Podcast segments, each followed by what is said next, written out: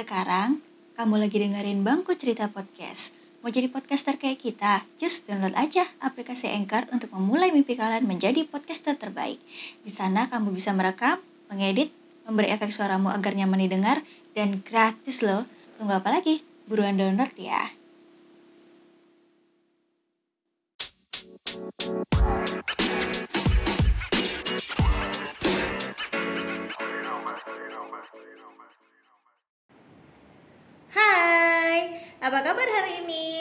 Kita semua dalam keadaan baik-baik saja. Oke, hari ini Babel bakal ngebawain sebuah tema yang berjudul self love. Wow. Self love itu sendiri artinya menghargai diri sendiri atau mencintai diri sendiri. Hal ini bisa mengembangkan setiap individu untuk lebih percaya diri, menerima dan menghargai kekurangan yang ada dalam diri sehingga kita bisa merasakan kebahagiaan. Ada beberapa hal yang bisa kita lakukan untuk mencintai diri sendiri, seperti kita melakukan hobi yang kita senangi. Misalnya, kalian senangnya baca buku, olahraga, melukis, atau dengerin musik. Do it! Yang penting kalian bisa merasa happy atas diri kalian sendiri. Dan ternyata self love ini memiliki manfaat untuk kesehatan fisik dan mental. Ketika kita mulai mencintai diri kita sendiri, berarti kita mulai menerima kekurangan yang ada dalam diri kita sendiri. Jadi, manfaat dari self love ini yaitu yang pertama, kita akan merasakan kepuasan hidup karena bisa mengontrol diri sendiri tanpa paksaan orang lain. Yang kedua, lebih bisa menghargai apa yang dimiliki baik itu kekurangan atau kelebihan supaya tidak berpikiran negatif yang mengakibatkan stres. Yang ketiga, lebih cenderung memperhatikan kesehatan dengan cara olahraga dan mengkonsumsi makanan sehat dan bernutrisi. So, sebelum kita mencintai diri sendiri, hal yang harus kita lakukan yaitu yang pertama kita harus kenal dulu siapa diri kita. Apa yang ada dalam diri kita. Self love ini cocok juga buat kalian yang saat ini rentang usianya 18 sampai 25 tahun. Karena pada usia seperti ini, pasti kalian sedang dalam fase penjajakan untuk mencari jati diri kalian itu sendiri. Atau buat kalian yang bimbang nanti mau kuliah jurusan apa atau memilih pekerjaan seperti apa, kalian harus pahamin dulu minat kalian. Dengan seperti ini, kita bisa memulai untuk self love agar tidak terlalu memaksakan keadaan. Dan kalian harus tahu dulu potensi kemampuan kalian sendiri itu sampai di mana. Karena jika kita tidak mengenal diri kita sendiri, justru kita akan salah langkah dan jadinya memaksakan keadaan yang padahal sebenarnya kapasitas kita tidak segitu. Yang kedua, kita tidak perlu membandingkan diri kita dengan orang lain, ya karena kemampuan setiap orang berbeda-beda.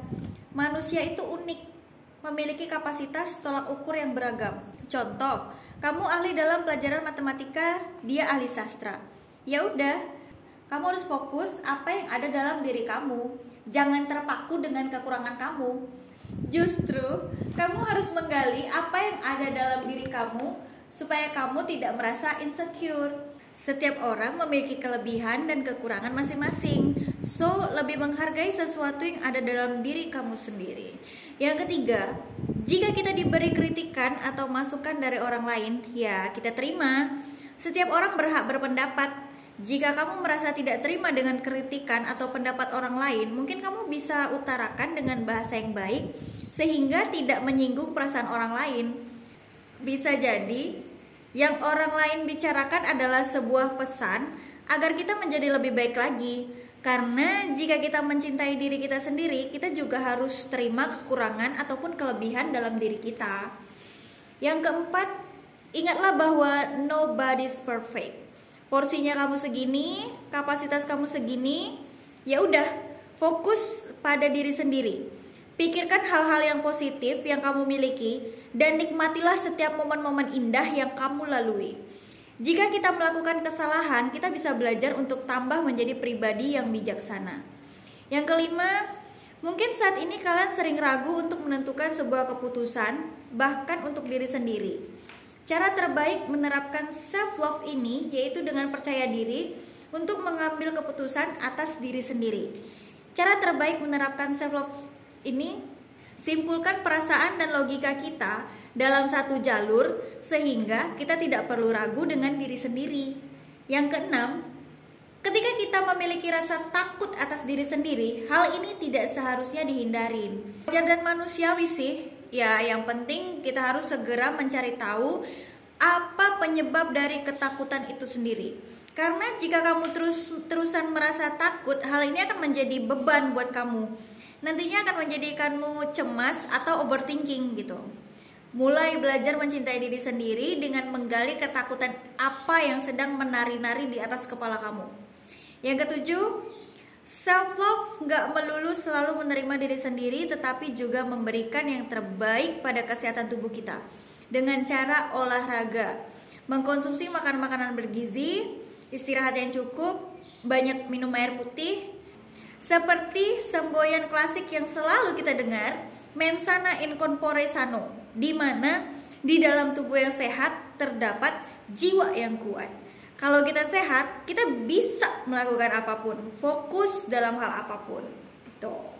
Yang kedelapan, kalian akan sulit mencintai diri sendiri jika kalian berada di lingkungan sosial yang toksik Tuh lihat sekeliling kalian gimana keadaannya Membawa aura positif atau negatif Sama seperti kita berteman dengan seorang penjual parfum Otomatis kita akan kecipratan wanginya Atau lebih mudahnya jika kamu berada di lingkungan yang membawa kebaikan buat diri kamu Otomatis hal baik juga yang akan kamu dapatkan Nah, Babel ada tips nih buat kalian agar lebih mudah untuk melakukan self love.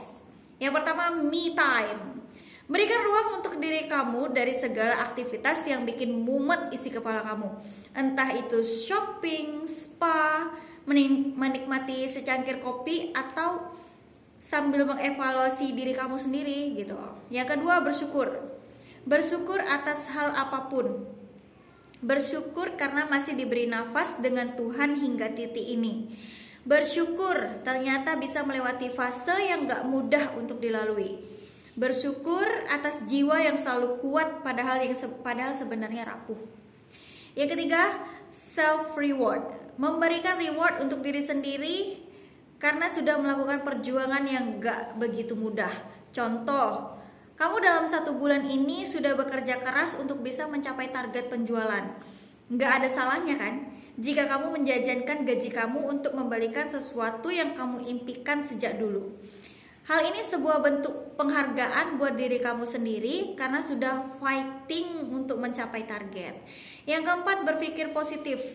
Mindsetkan pikiranmu untuk selalu berpikir positif agar kita menjadi lebih mudah untuk menjalani hari-hari, lebih fokus.